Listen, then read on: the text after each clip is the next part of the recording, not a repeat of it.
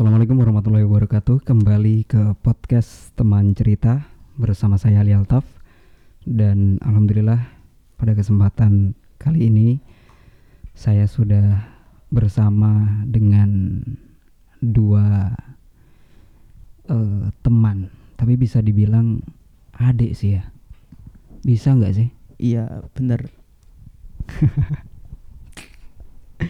Iya. Assalamualaikum warahmatullahi wabarakatuh.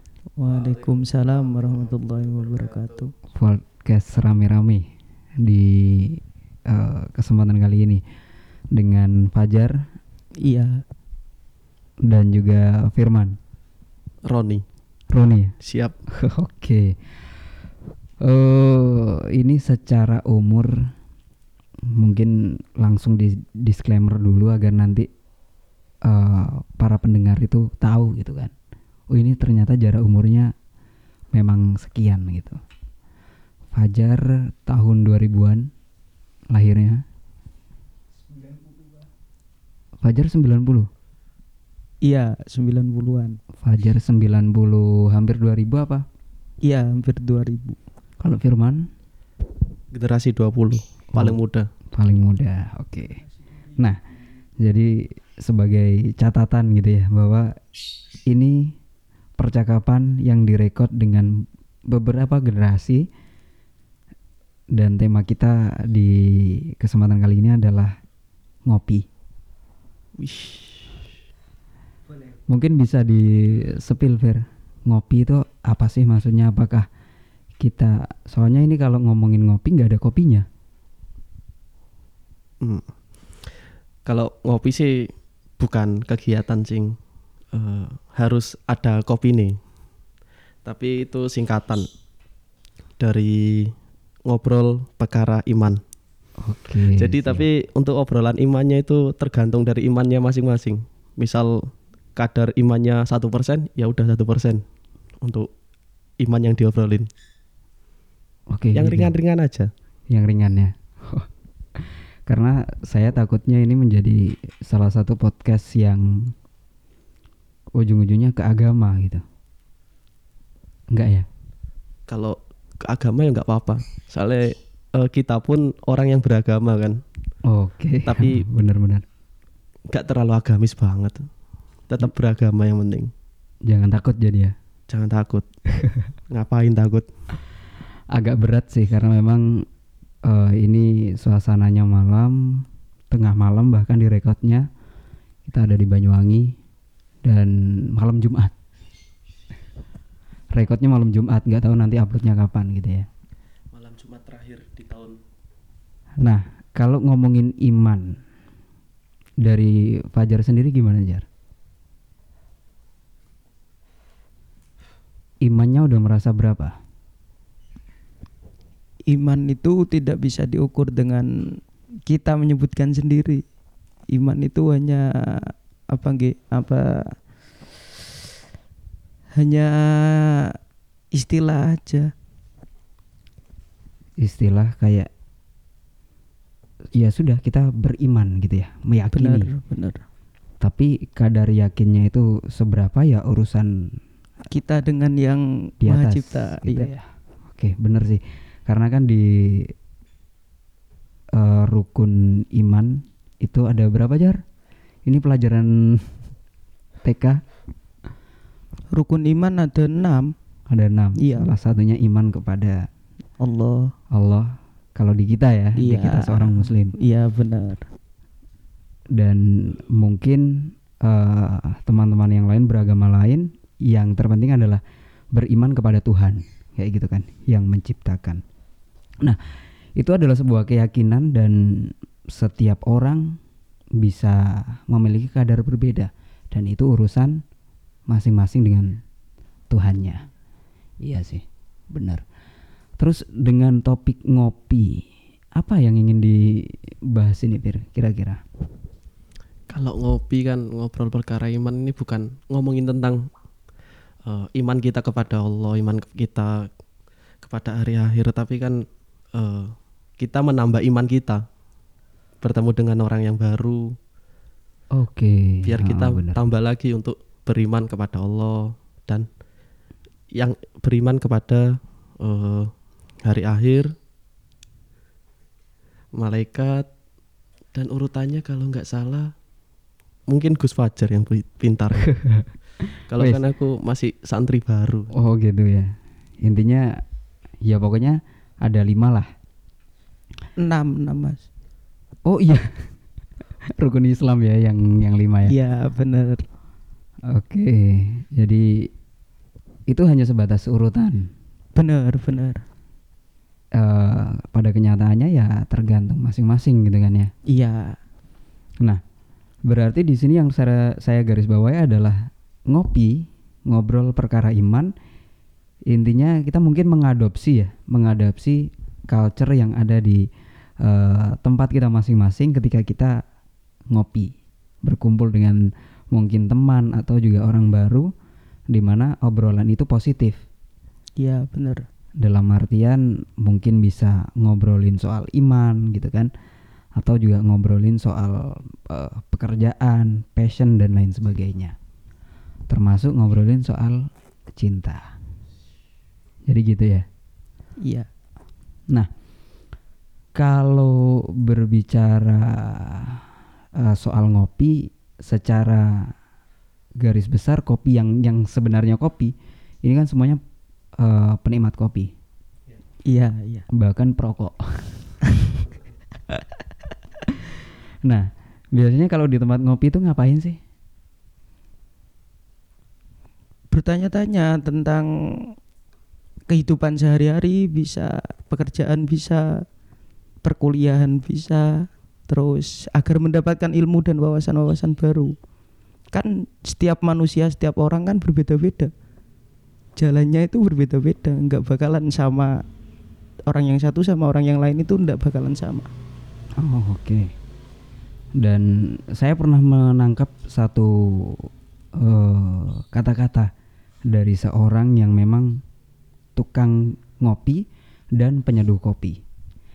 Katanya gini, kenapa saya suka di kedai kopi? Karena di kedai kopi itu nggak ada pangkat, derajat, latar belakang.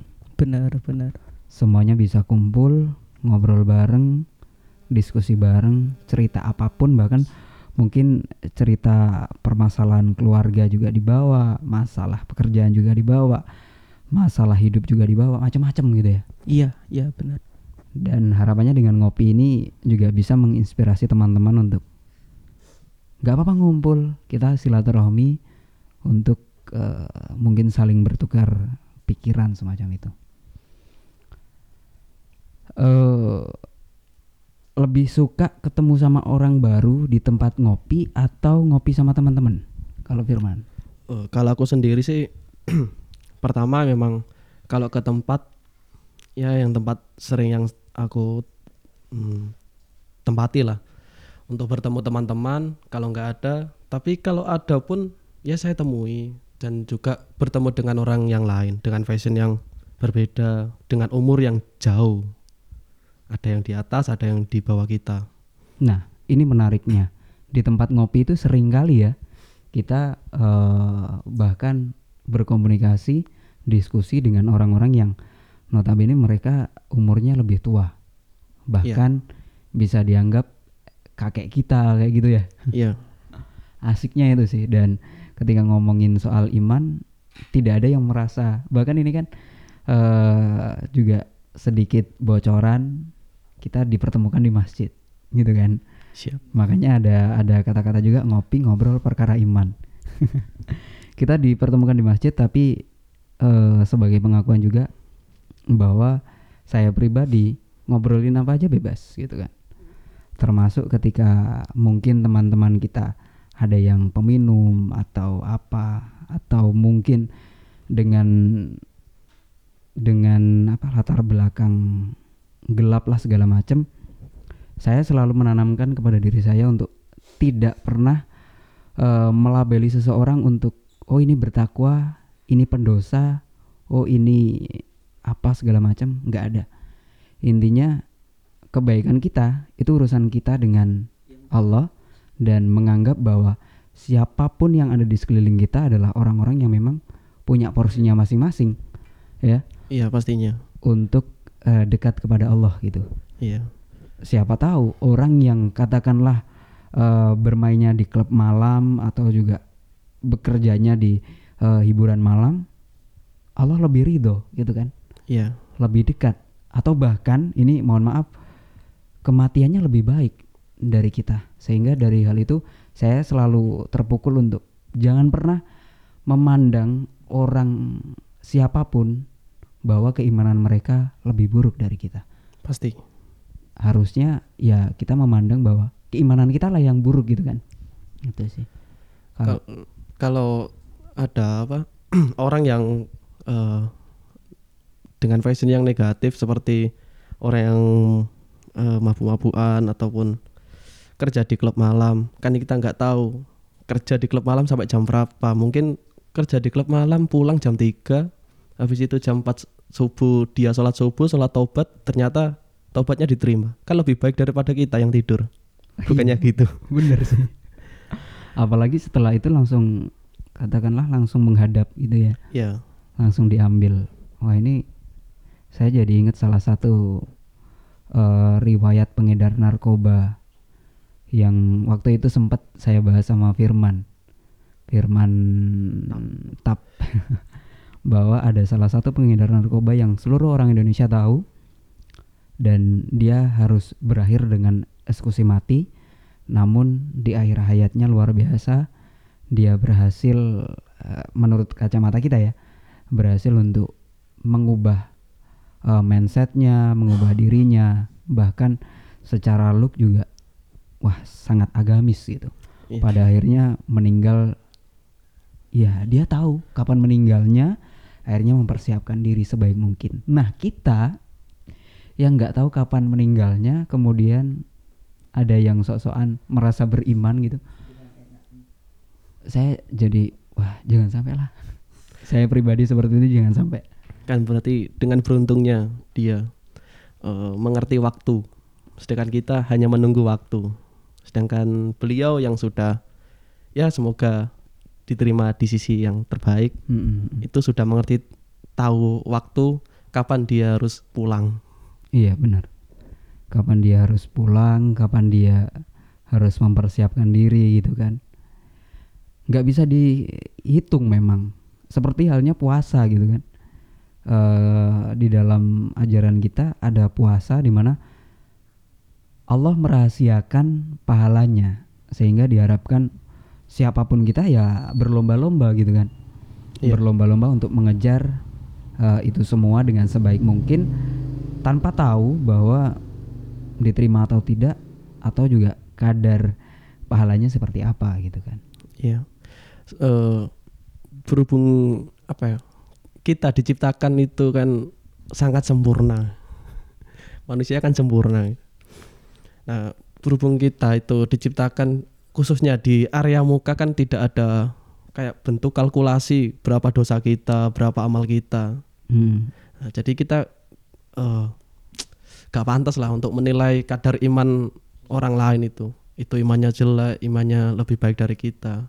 Sedangkan saya juga ingat kata dari sahabat Nabi juga kan itu Ali bin Abi Thalib itu pernah berkata itu kan eh sejelek-jeleknya aku lebih oh salah.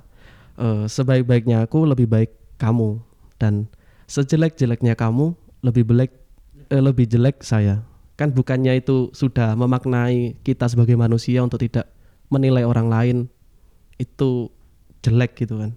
Hmm, hmm, khususnya di bukan di jeleknya di kadar imannya itu. Iya. karena itu langsung apa ya berurusan langsung dengan rohnya dengan Allah. Hmm. Jadi jangan sampai ragu ya. Kalau seandainya tiba-tiba eh, ketemu di jalan kita ada di warung kopi kemudian eh, mungkin pakaian kita masih dengan sarungan masih dengan baju takwa nggak apa disapa aja. Benar benar. Diajak ngobrol aja barangkali nanti juga nyambung kayak gitu kan. Kita bisa ngobrolin apa aja. Karena biasanya gini orang-orang yang eh berpakaian islami itu dipandang sebagai seseorang yang mungkin pemikirannya adalah hanya agama. Sehingga banyak orang yang merasa karena kan kita semuanya baik gitu kalau seandainya merasa merasa orang sebagai bukan orang baik merasa bahwa kita bukan orang baik. Benar. Karena kan kuncinya ketika orang merasa orang baik merasa baik akan menjadi buruk gitu kan. Benar. Sehingga ya wajar kalau seandainya di luar sana banyak orang yang merasa buruk sehingga melihat orang yang berpakaian baik itu canggung kayak gitu. Nah kita men- menegaskan lagi bahwa nggak apa-apa sebenarnya tapi juga tergantung orangnya. Iya benar. Karena di mana-mana itu orang yang baik itu nggak akan mengaku bahwa dirinya itu baik. Mm-mm, benar. Dan sebaliknya dia walaupun itu buruk kalau dia mengaku buruk itu lebih baik daripada orang baik yang mengaku bahwa dirinya itu baik. Hmm, hmm, hmm. agak bulat ini kata-katanya cuma kalau kita breakdown satu-satu intinya orang baik kalau mengaku baik akan menjadi buruk. Jelek ya orang baik baik. mengaku jelek. Mengaku ja- itu jelek. lebih baik. Itu lebih baik. Dan orang jelek mengaku baik itu lebih jelek. Itu lebih jelek. Dan, Dan- orang jelek mengaku jelek itu lebih baik daripada orang baik yang mengaku baik tadi. Oke jadi itu eh, mungkin bisa dicerna gitu kan. Kata-kata yang eh, memang ini ada salah satu riwayat lah. Pemahaman kita seperti itu dan alhamdulillah saya dipertemukan dengan teman-teman Eh, kita sering ngobrol bareng bahkan kadang soal percintaan gitu kan. Kadang soal eh, pekerjaan kuliah bahkan karena mereka juga eh, beberapa waktu terakhir masih disibukkan dengan perkuliahannya. Saya sebagai apa di sini kakak tertua. Kakak tertua patkai gitu ya. Iya bener tak kakak tertua bukannya sunggokong. Oh iya benar benar benar. Sunggokong. Nah itu. Terus eh intinya itu ya perkara iman ya urusan kita masing-masing lah. karena patut berterima kasih juga. Kita semua hidup dalam lindungan Allah ditutup semua aib-aib kita dengan kemurahan kasih sayangnya kalau ditampakkan kan bakal gimana gitu kehidupan Bakal- kita kan Ciloko gitu kan. Ah. iya Nah, sedangkan kita kan mesti bertemu dengan insan-insan yang sempurna dengan orang-orang lain Oke. karena pun kita nggak mampu gitu kan Eh, Mm-mm. kalau nggak salah itu kan ada kata-kata itu engkau takkan pernah mampu menyenangkan semua manusia maka perbaiki saja hubunganmu dengan Allah. Kemudian tak usah kau pedulikan manusia. Itu kalau nggak salah kata-kata dari Imam siapa ya? Mungkin Fajar tahu itu. Imam Syafi'i bukan ya? Kayaknya Imam Sa- Imam Syafi'i. Insya Allah benar. ya. Mm-mm. Tapi eh, di situ kata-katanya luar biasa sih. Bahwa memang seperti halnya storynya apa statusnya Fajar di WA apa Jar? Status WA apa? Bukan status sih kata-kata yang ada di WA-nya Fajar. Bio bio bio apa Jar? Aku adalah pendosa. aku adalah pendosa hebat yang ahli maksiat Oke. hanya saja Allah masih mau menutup aib-aibku Ya. Jadi sebenarnya kita itu pendosa yang hebat memang luar Enggak. biasa walaupun walaupun ke masjid terus masih banyak dosa yang masih kita banyak perbuat dosa. Jadi jangan sungkan lah. iya benar benar Karena eh, saya ada pengalaman juga. Sejak tahun mungkin eh, kecil gitu kan, kan ada di lingkungan agama. Terus lulus SMA juga mengabdi di lingkungan agama gitu kan. Akhirnya banyak orang yang eh, mengenal saya ada di agama. iya benar sehingga teman-teman yang mungkin mereka hidupnya di klub malam atau segala macam sungkan gitu loh untuk me- bertanya bertanya, menyapa dan lain-lain. Padahal saya selalu nga- mengatakan saya itu punya eh, kecintaan membahas hal-hal yang memang secara sosial itu ada di lingkungan kita. Seperti orang kerja di klub malam, orang berjudi, mabuk dan lain sebagainya. Itu ada di lingkungan kita. Dan bukan apa ya? Saya tertarik dengan kata-kata gini. Saya tidak mendukung tidak me, apa ya? Istilahnya tidak merestui, tidak ikut mendukung, tidak ikut eh, mungkin mengiyakan, tapi ta- saya tidak masalah gitu. Ketika ada orang-orang seperti itu, selama ya mungkin kita bisa memberikan solusi. Katakanlah eh, yang sering mabuk-mabukan kita kasih eh, kita temani gitu kan.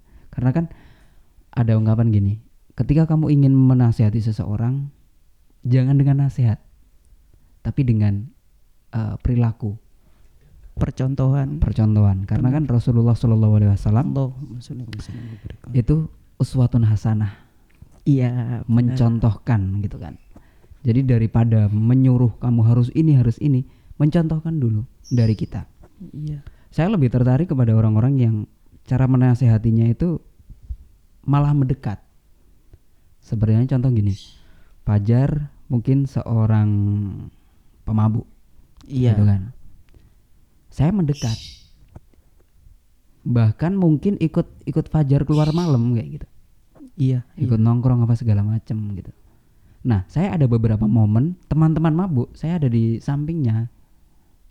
iya Kemudian waktu sholat, saya sholat sendiri kayak gitu.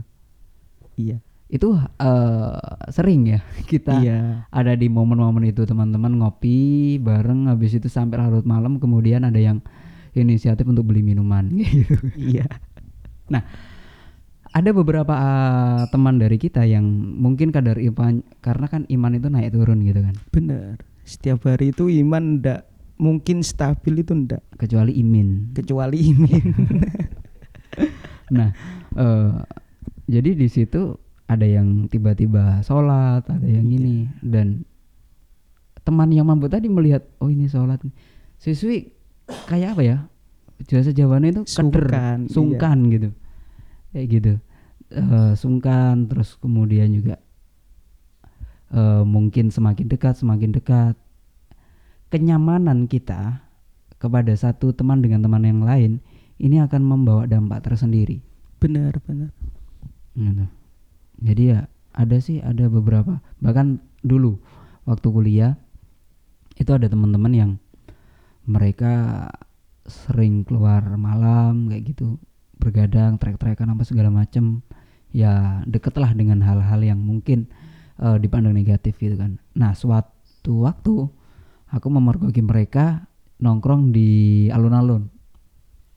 Nah setelah itu itu larut malam.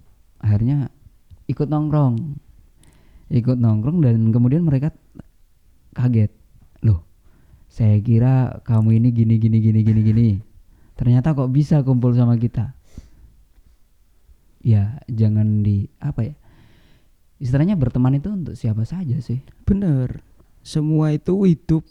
Ndak harus memandang teman itu baik teman itu jelek. Itu teman yang baik harus dikumpuli teman yang jelek itu ndak harus dikumpuli. Bukan gitu. Karena Rasulullah itu ada itu dari zaman jahiliyah menjadi zaman keterangan itu yang sekarang ini bisa dimaknakan Mm-mm. itu zaman terang benderang itu dengan mengkumpuli orang-orang yang jahat, orang-orang yang buruk, orang-orang yang jelek pada Hmm. masanya. Seperti Umar, Umar itu Umar dulu, itu, wah wah, masya Allah, singa singa padang pasir ya iya benar sih dan saya sepakat bahwa satu tadi poinnya adalah keimanan kita adalah urusan kita dan Benar. jangan melihat eh, orang lain dengan sebuah keburukan. Benar, karena di poin berikutnya orang baik ketika dia mengaku baik maka akan menjadi buruk. Benar, benar, sehingga bagaimanapun kita harapannya adalah selalu melihat diri kita sebagai orang yang kekurangan seperti halnya kita belajar gitu kan benar. orang yang semakin banyak membaca akan merasa bahwa ilmunya kurang Iya, benar, benar. sehingga ketika orang beriman pun juga gitu semakin dia banyak mungkin melaksanakan kegiatan-kegiatan ibadah, maka bukan dia merasa sebagai orang yang paling bertakwa. Karena itu setan akan muncul di situ. benar benar Setan akan muncul di situ me- menampakkan eh, apa? Mengajak. Memengaruhi sifat sombongnya. Benar. Karena setan juga diturunkan ke dunia karena sifat sombongnya kayak gitu. kan. iya. Sehingga hal itu perlu kita koreksi bersama. Ya saya pribadi sih eh, selalu memikirkan itu. Dalam artian kalau urusan dekat dengan Allah ya biarkan. Kita pribadilah kayak gitu. Baik mungkin ada pesan-pesan eh, sebelum kita akhiri.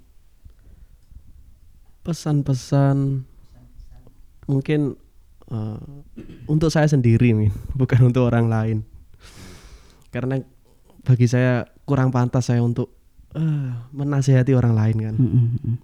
mungkin untuk saya sendiri mungkin alhamdulillah udah dipertemukan dengan orang-orang yang sempurna semua yang lebih baik dari saya Mm, mm, mm.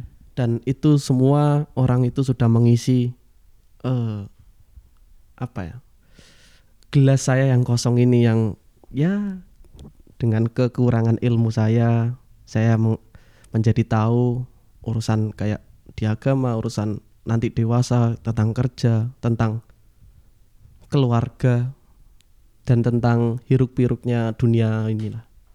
Hmm, mungkin kalau bagi saya sih tetap sih ngopi. jangan mengurangi jam ngopi Anda. Karena di ngopi nanti Anda menemukan orang yang berbeda dengan Anda. Dan Oke. itu memunculkan sebuah sebuah kenangan yang indah mungkin untuk masa depan. Kan kita nggak tahu butuhnya kapan nasihat itu. Oke, iya benar sih.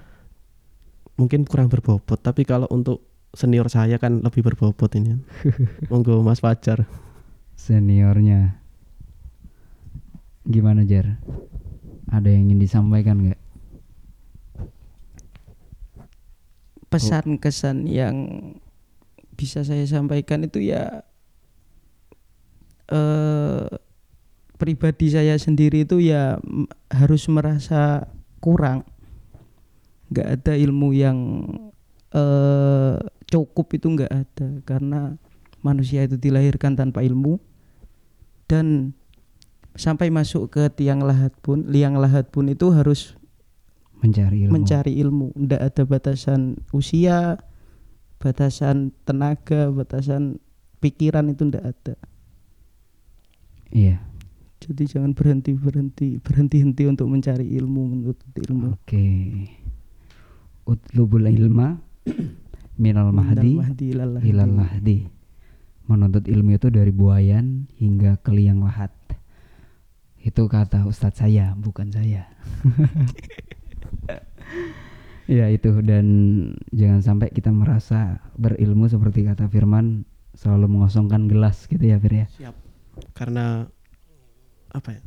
Kita seharusnya terima kasih kepada semua makhluk ini.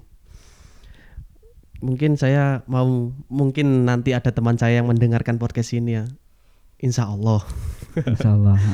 Saya mau ucapkan terima kasih lah untuk seluruh umat manusia yang telah bertemu dengan saya. Kalian semua itu membantu saya meskipun dengan hal yang beragam. Hmm, Semua itu bukan hal kecil, hal besar semua. Nggak ada hal kecil yang Anda bagikan bagi saya. Semua hal besar. Karena saya adalah ya mungkin lebih hina dari kalian-kalian semua. Oke. Terima kasih ya kawan-kawan. Jadi pengen kuliah lagi Fir? Waduh, janganlah. Jangan ya. Kalau kuliah ilmu. jangan. Nguli aja. Nguli. Baru ah. Ilmu di mana pun kan kita pasti dapat. Iya, sambil ngopi juga lah. Ya. Oke. Terima kasih itu dulu perjumpaan kita di podcast kali ini sudah setengah jam kita ngobrol dan semoga disambung pada kesempatan berikutnya. Terima kasih. Assalamualaikum warahmatullahi wabarakatuh. Firman. Waalaikumsalam warahmatullahi wabarakatuh.